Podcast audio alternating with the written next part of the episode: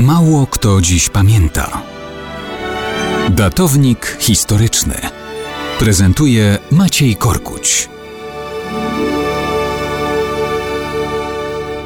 Mało kto dziś pamięta, że jesienią 1939 roku komendantem Policji i Bezpieczeństwa w Krakowie został mianowany Sturmbannführer SS Walter Huppenknoten. Nie, nie, żaden tam prymitywny zbrodniarz z awansu społecznego. Takich w Niemczech narodowego socjalizmu było wielu, ale Huppenknoten to był zbrodniarz intelektualista, wykształcony prawnik. Urodzony w 1907 roku, skończył prawo i nauki polityczne na Uniwersytecie w Düsseldorfie. Jeszcze w czasie aplikacji wstąpił do NSDAP i SS. Zaraz po studiach znalazł zatrudnienie w Gestapo. Był zastępcą szefa sztabu Leitstelle w Królewcu, potem już szefem takiej samej placówki policyjnej w Lüneburgu. Uczestniczył w działaniach specjalnych grup policyjnych w czasie zajmowania Sudetenlandu w 1938 roku. Te doświadczenia Niemcy wykorzystali, mianując Huppenknotena zastępcą dowódcy policyjnej grupy operacyjnej Einsatzgruppe 1, która w Wiedniu była przygotowywana do posuwania się w Polsce za linią frontu w czasie agresji Niemiec.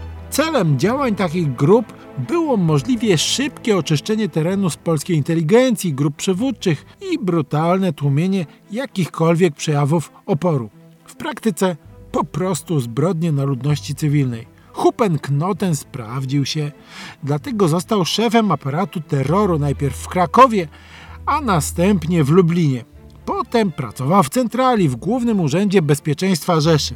Oczywiście wciąż był prawnikiem, stąd jeszcze w kwietniu 1945 roku jako prokurator uczestniczył w procesie oficerów Abwehry oskarżonych o udział w zamachu na Hitlera. Oni zostali skazani na śmierć i wyrok wykonano, a Huppenknoten jeszcze w tym samym miesiącu wpadł w ręce Amerykanów. Był internowany zaledwie do 1949 roku. W tym czasie powstała RFN. Wymiar Sprawiedliwości RFN nie ścigał go za zbrodnie w Polsce. Nie, nie. Owszem, ciągano go trochę po sądach za tych skazanych oficerów Abwehry. Najpierw skazano go na 3,5 roku, potem ten wyrok uchylono, potem go uniewinniono po wznowieniu procesu, a w końcu w 1955 roku skazano na 7 lat, ale już w 1959 został warunkowo zwolniony i spokojnie przez następne 20 lat, czyli do śmierci, pracował sobie, a jakże jako prawnik.